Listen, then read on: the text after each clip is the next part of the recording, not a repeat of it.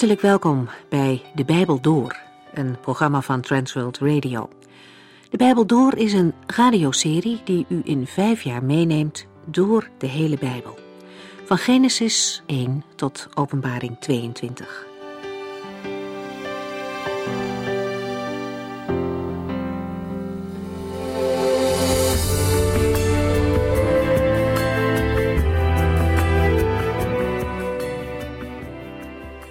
Deze aflevering van De Bijbel Door brengt ons bij Lucas hoofdstuk 15. Laten we eerst nog even kort kijken waar het de vorige keer over ging. De Heer Jezus gaf in dat hoofdstuk wijze lessen aan de hand van maaltijden. Over bescheidenheid bijvoorbeeld. Het siert een mens wanneer hij zich niet meer voelt dan een ander, wanneer een mens niet zelf de belangrijkste wil zijn. Wie zich nederig en bescheiden opstelt naar God en naar andere mensen, zal daarvoor eer van God krijgen. Het is dus niet nodig om zelf krampachtig op zoek te gaan naar erkenning of eer van andere mensen, of met ellebogenwerk de eerste plaats in te willen nemen. Dat maakt je niet belangrijk of meer waard. We mogen zeker weten dat elk kind van God ontzettend kostbaar is in zijn ogen. En dat maakt van christenen waardevolle mensen. Iemand die zich aanvaard weet door de Heere God, kan zich ook bescheiden opstellen, omdat hij weet dat hij al een goede plaats heeft bij de Heere God. In het vervolg van Lucas 14 worden de rollen omgedraaid. Hoe gedraag je je als gastheer? Of, breder gezien, hoe ga je met andere mensen om? De Heer legt uit dat je ook daarin niet je eigen belang moet zoeken, maar moet kijken naar diegenen die het moeilijk hebben. Het doel van gastvrijheid of behulpzaamheid is niet dat je er rijk voor wordt beloond. Alles wat mensen nu vrijwillig met een liefdevol hart doen, zal de Heere God later belonen. Een gast aan tafel reageerde enthousiast en zei tegen Jezus dat het geweldig moest zijn om in het koninkrijk van God te komen. En dat was een aanleiding voor een nieuwe gelijkenis over een groot feest.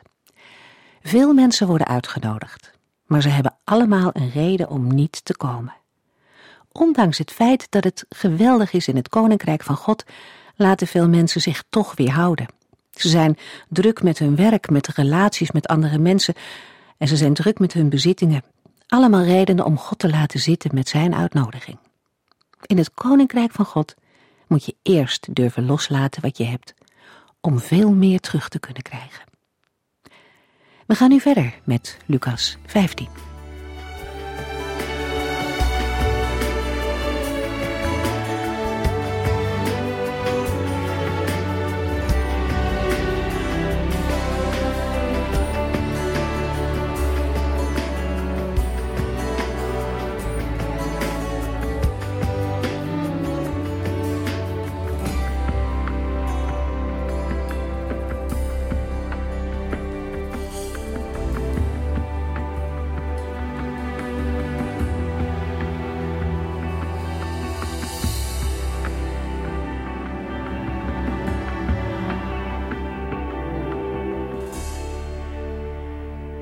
In de vorige uitzending maakten we een begin met Lucas 15.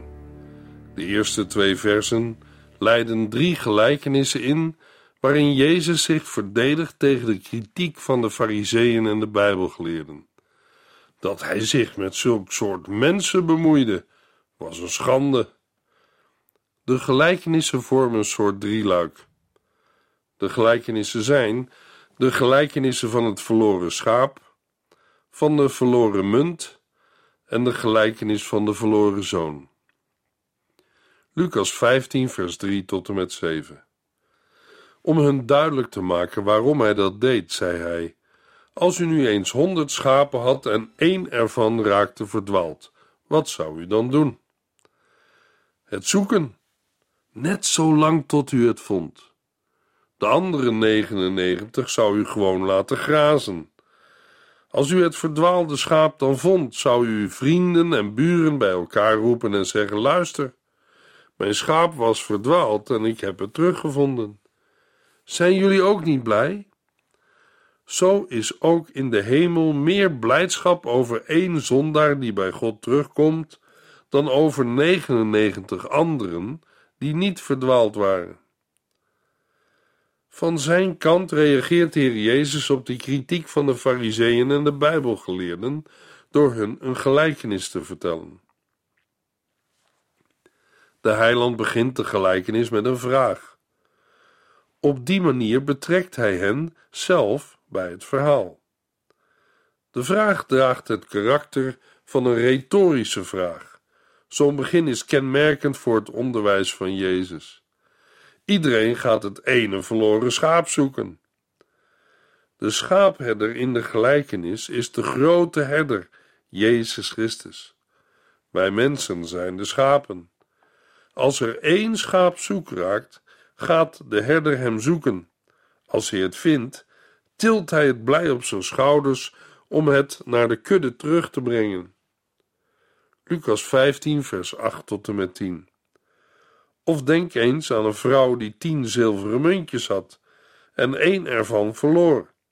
Zou ze niet een lamp aansteken en overal zoeken en het hele huis aanvegen tot ze de munt vond? Ze zou haar vriendinnen en buurvrouwen bij elkaar roepen en zeggen: Zijn jullie ook niet blij dat ik de zilveren munt die ik kwijt was weer heb gevonden? Ik zeg u dat er bij de engelen van God grote blijdschap is als één zondaar bij God terugkomt.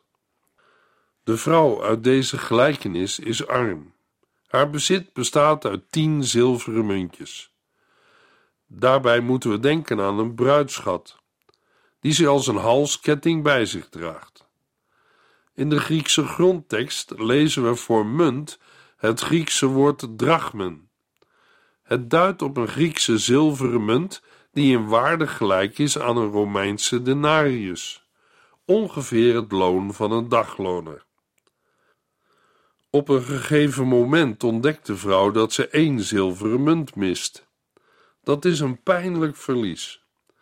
Meteen als zij de ontdekking doet, neemt de vrouw haar maatregelen. Ze veegt haar huis aan en zoekt zorgvuldig naar de verloren munt. Gelukkig vindt ze hem. Van blijdschap roept zij haar vriendinnen en buurvrouwen bij elkaar. Zij wil hen alles vertellen en hen in haar vreugde laten delen. In vers 10 geeft de heiland de toepassing van de gelijkenis. Opnieuw richt hij zich tot de fariseeën en bijbelgeleerden die onder elkaar mopperden over zijn omgang met tollenaars en zondaars. Zoals de vrouw uit de gelijkenis heel blij is omdat zij het zilveren muntje, die zij kwijt was, heeft teruggevonden, zo is er bij de engelen van God vreugde over één zondaar die zich bekeert. Als er bij God vreugde is, is die er ook bij zijn engelen. Ook met de toepassing van deze gelijkenis probeert Jezus de ogen van de Joodse leiders te openen. Hun gemopper steekt schril af tegen de bewogenheid van de Heere. Hij ziet om naar de tollenaars en zondaars, van wie er velen naar hem kwamen luisteren. Lucas 15, vers 11 tot en met 13. Jezus vertelt nog een gelijkenis. Een man had twee zonen. Op een dag zei de jongste: Vader, ik wil mijn deel van de erfenis nu al hebben. De vader verdeelde zijn bezit tussen zijn twee zonen. Een paar dagen later pakte de jongste zoon zijn bezittingen en ging op reis naar een ver land. Daar verbraste hij zijn hele hebben en houden. De derde gelijkenis neemt ons mee naar een prachtig huis. Een huis waarin een mens alles had wat zijn hart maar zou kunnen begeren: liefde, blijdschap, vriendschap en welstand. Blijkbaar was dat voor de jongste zoon niet genoeg. Hij wilde zijn vleugels uitslaan. Het gras is ergens anders altijd veel groener. De jongste zoon vond het thuis maar niks. Op een dag zei hij: Vader, ik wil mijn deel van de erfenis nu al hebben. Elke cent die hij kreeg, had zijn vader hem gegeven. Hij kreeg zijn deel niet omdat hij zo hard had gewerkt. Het geld dat hij kreeg was er omdat hij een vrijgevige vader had. Daarmee ging hij op weg naar een ver land. Dan verschuift het beeld in de gelijkenis van thuis naar een ver land. Hij verbraste er zijn hele hebben en houden. De jongste zoon ontdekt wat het betekent om naar wereldse begrippen een goede tijd te hebben. Hij ging langs alle nachtclubs, hij kende alle cafébezoekers. Hij had geld. En als je geld hebt, heb je meestal ook veel vrienden. Hij had het een tijd lang fantastisch naar zijn zin. Hij genoot van alles om zich heen. Toen kwam er een dag waarop hij met feesten moest stoppen. Hij had geen rode cent meer. Lucas 15, vers 14. Juist toen hij niets meer over had, werd het land getroffen door een vreselijke hongersnood. In het waterarme oosten, met zijn gebrekkige vervoer, was het uitbreken van een hongersnood geen ongewoon gebeuren. Maar het gevolg was wel dat de jongste zoon gebrek begon te lijden. Hij weet niet wat hij moet doen. Eerlijk gezegd is hij bang om naar huis te gaan.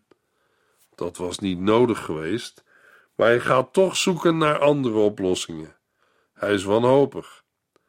Dat blijkt uit het feit dat hij iets gaat doen wat geen Joodse man ooit zou hebben gedaan. Natuurlijk had hij alles geprobeerd. Hij was bij zijn vrienden langs geweest en hij had stad en land afgezocht naar een passend baantje, maar het was allemaal op niets uitgelopen. Hij merkte dat hij geen enkele vriend had in dat verre land. Lucas 15, vers 15 en 16. Het zag er heel slecht voor hem uit. Hij wist een baantje te krijgen bij een boer en moest naar het land om op de varkens te passen. Hij had zo'n honger dat hij graag wat van het varkensvoer had gegeten, maar dat mocht niet. De jongste zoon vond een baantje, maar wat voor baantje? Als Joodse jonge man ging hij op de varkens passen. Wat was hij diep gezonken. Hij had zo'n honger dat hij graag wat van het varkensvoer had gegeten. Iedere Israëliet huiverde bij die gedachte. Mogelijk dat hij zo diep gezonken was dat hij op een gegeven moment niet meer te onderscheiden was van de varkens. En toch, hij was geen varken, maar een zoon. In heel deze gelijkenis staat dat als een paal boven water. Juist dat maakt dat deze gelijkenis zo beeldend het evangelie laat zien. De gelijkenis gaat niet over hoe een zondaar wordt gered. Nee, de gelijkenis laat het hart van de Hemelse Vader zien. Hij redt niet alleen zondaars, maar neemt ook weggelopen kinderen terug. Lucas 15, vers 17. Eindelijk kwam hij tot bezinning en dacht bij zichzelf: Bij mijn vader thuis hebben zelfs de knechts meer dan genoeg te eten. En kijk mij hier nu eens zitten, ik sterf bijna van de honger. Daar tussen de varkens, ver weg van zijn vader, ver weg van thuis, komt hij tot bezinning. Zijn geldgebrek, de honger die hij had en de eenzaamheid die hem drukte, dat alles leidde ertoe dat hij ging nadenken.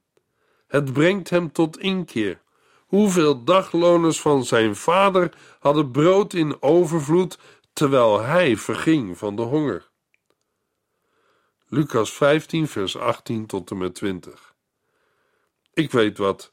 Ik ga naar mijn vader en zal hem zeggen: Vader, ik heb gezondigd tegen God en tegen u. Ik ben het niet waard nog langer uw zoon genoemd te worden. Wilt u mij aannemen als uw knecht? Zo neemt hij resoluut het besluit om naar zijn vader terug te keren. Hij bedenkt ook wat hij bij het weerzien tegen zijn vader gaat zeggen. Hij zou beginnen met tegen hem te zeggen: Vader, ik heb gezondigd tegen God en tegen u. Zo ging hij op weg naar het huis van zijn vader.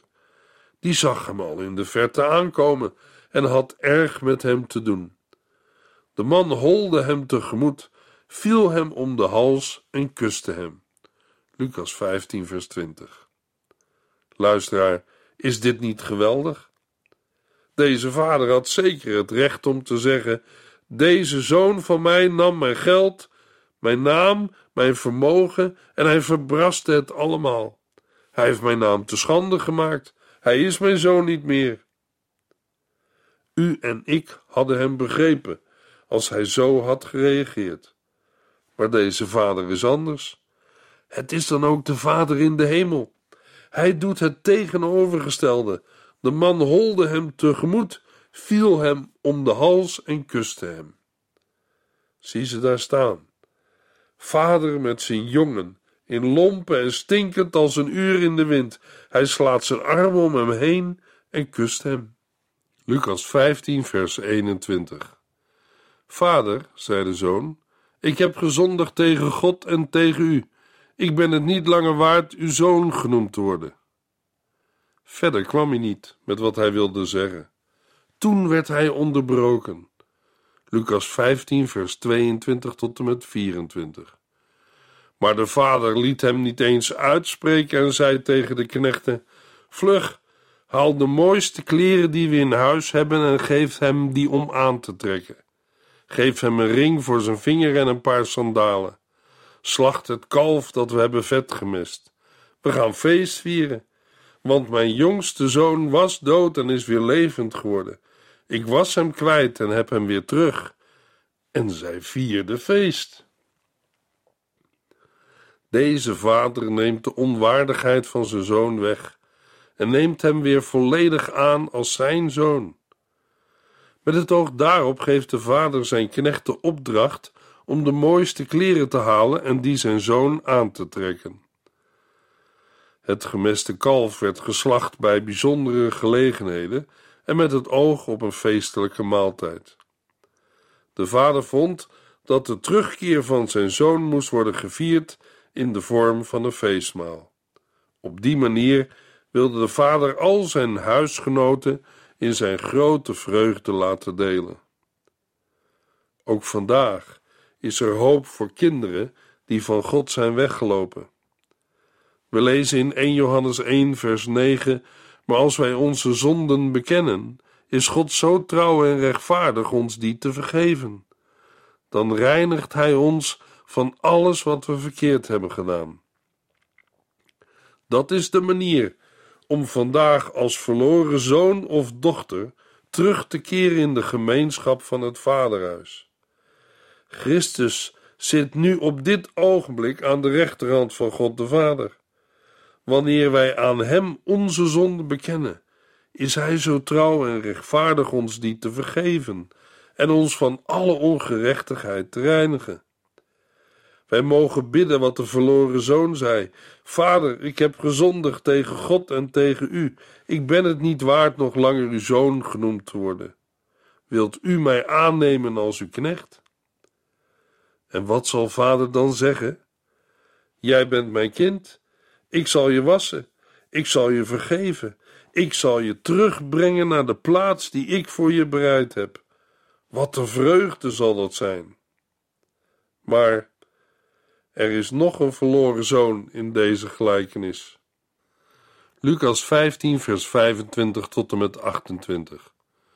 Ondertussen was de oudste zoon op het land aan het werk. Toen hij thuis kwam, hoorde hij dansmuziek. Hij riep een knecht en vroeg wat er aan de hand was. Uw broer is terug, antwoordde de knecht, en uw vader heeft het mestkalf laten slachten. Hij is zo blij dat uw broer weer gezond en wel thuisgekomen is. De oudste broer werd kwaad en wilde niet naar binnen gaan. Zijn vader kwam naar buiten en probeerde hem mee te krijgen. De oudste zoon kreeg na een lange werkdag op het land te horen dat zijn broer was teruggekomen en dat zijn vader het gemeste kalf had laten slachten. Als reden voor het gemeste kalf bracht de knecht naar voren dat de vader zijn jongste zoon gezond en wel had teruggekregen. Over wat er aan de terugkeer van zijn broer was voorafgegaan, laat de knecht zich niet uit. De informatie die de knecht gaf, valt helemaal verkeerd. De oudste zoon werd kwaad. Kennelijk was hij van mening dat zijn broer dit uitbundige welkom beslist niet had verdiend. Mogelijk was hij ook bang dat zijn aandeel in de erfenis nu gevaar liep. In ieder geval weigert hij om naar binnen te gaan en aan het feest deel te nemen. Als de vader de opstelling van zijn oudste zoon te horen krijgt, neemt hij opnieuw het initiatief. Als zijn oudste zoon niet naar binnen wil komen, gaat hij naar buiten, naar hem toe. Al was het optreden van zijn oudste zoon een belediging, toch zoekt hij hem op en dringt er bij hem op aan om alsnog aan het feest deel te nemen. Lucas 15, vers 29 tot en met 32. Maar hij antwoordde: Luister, vader, al die jaren heb ik mij voor u uitgesloofd. Ik heb altijd gedaan wat u zei, maar u hebt mij nog nooit een bokje gegeven om te slachten en feest te vieren met mijn vrienden. Nu komt die zoon van u thuis. Hij heeft eerst uw geld er bij de hoeren doorgejaagd. En wat doet u? U slacht voor hem het beste kalf dat we hebben. Maar jongen, zei de vader, jij en ik zijn altijd samen. Alles wat van mij is, is van jou. Wij kunnen niet anders dan feest vieren. Het is je eigen broer. Hij was dood en is weer levend geworden. We waren hem kwijt en hebben hem nu terug. De oudste zoon reageert op het verzoek van zijn vader. Dat doet hij door lucht te geven aan zijn boosheid. Uit woede stort hij een golf van kritiek over zijn vader uit. Hij werpt zijn vader voor de voeten dat deze hem nooit een geitenbokje heeft gegeven om met zijn vrienden feest te vieren. En dat terwijl hij als oudste zoon zijn vader jaren achtereen trouw heeft gediend en nooit één van zijn geboden heeft overtreden. Hoe gering was zo'n geitenbokje vergeleken bij het gemeste kalf dat nu was geslacht. Maar zelfs dat kon er niet één keer af. Hij voelt zich tekort gedaan. Hiermee houdt de Heer Jezus de morrende fariseeën en bijbelgeleerden een spiegel voor. Het valt op dat de oudste zoon het heeft over die zoon van u. Kennelijk ziet hij hem niet meer als zijn broer. Wat er de reden van is dat hij zich zo hatelijk over hem uitliet, steekt hij tegenover zijn vader niet onder stoelen of banken. De jongste zoon had volgens hem zijn vermogen opgemaakt met slechte vrouwen. Hoe hij dat zo precies weet, geeft hij niet aan. Hoe het ook zij, zijn vader richt voor die verkwister een feestmaal aan, terwijl er voor hem niet eens een geitenbokje afkom. Dat kan hij niet verkroppen. Als dit rechtvaardig was, dan wilde hij er niets meer mee te maken hebben. Het valt op dat de vader niet ingaat op die kritiek. De vader had de beschuldigingen kunnen beantwoorden door zijn oudste zoon eveneens verwijten te maken. Ook zei hij niet tegen hem dat hij nu verkeerd handelde. In plaats daarvan probeert hij hem zijn liefde kenbaar te maken met de woorden: Maar jongen, jij en ik zijn altijd samen. Daarmee laat de vader ook zien dat er tussen hen beiden een goede relatie bestond. Alles wat de vader daarna zei, wijst in dezelfde richting. Alles wat van mij is, is van jou. Op die manier verzekert de vader zijn oudste zoon dat, ook al kreeg zijn broer vergeving, er aan zijn rechten als oudste niet werd getornd. En van achteruitzetting was echt geen sprake geweest. Vervolgens houdt de vader zijn oudste zoon voor dat er wel feest en vrolijkheid moest zijn. Wij kunnen niet anders dan feest vieren, het is je eigen broer. Als reden dat iedereen in huis wel vrolijk moest zijn, voerde de vader aan dat zijn broer dood was geweest, maar weer levend was geworden, dat hij verloren was geweest, maar was teruggevonden. De gelijkenis eindigt zonder dat de Heer Jezus een toepassing maakt. De morrende fariseeën en bijbelgeleerden moesten die zelf maken. De heiland hield hun een spiegel voor, waarin zij zichzelf konden herkennen. Op die manier riep hij hen op zich te verheugen over de bekering van tolontvangers en andere mensen met een slechte reputatie die naar hem kwamen luisteren. Net zo blij als de Heere God, die blij is over één zondaar die zich bekeert. Zijn wij blij over een zondaar die zich bekeert? In de hemel wel, maar voor de kerk op aarde lijkt het soms een worsteling. Had Paulus als vervolger van christenen lid mogen worden bij uw kerk en de moordenaar aan het kruis? De liefde van God is altijd groter dan onze beperkte gedachten. Liefde was het, onuitputtelijk, liefde en goedheid eindeloos groot.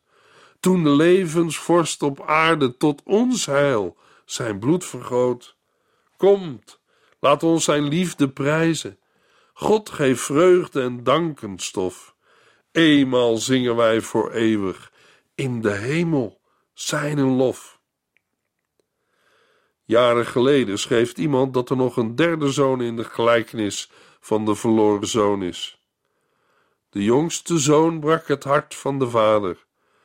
De oudste zoon stelde zich buiten de gemeenschap met de vader, en de derde zoon is degene die de gelijkenis vertelde.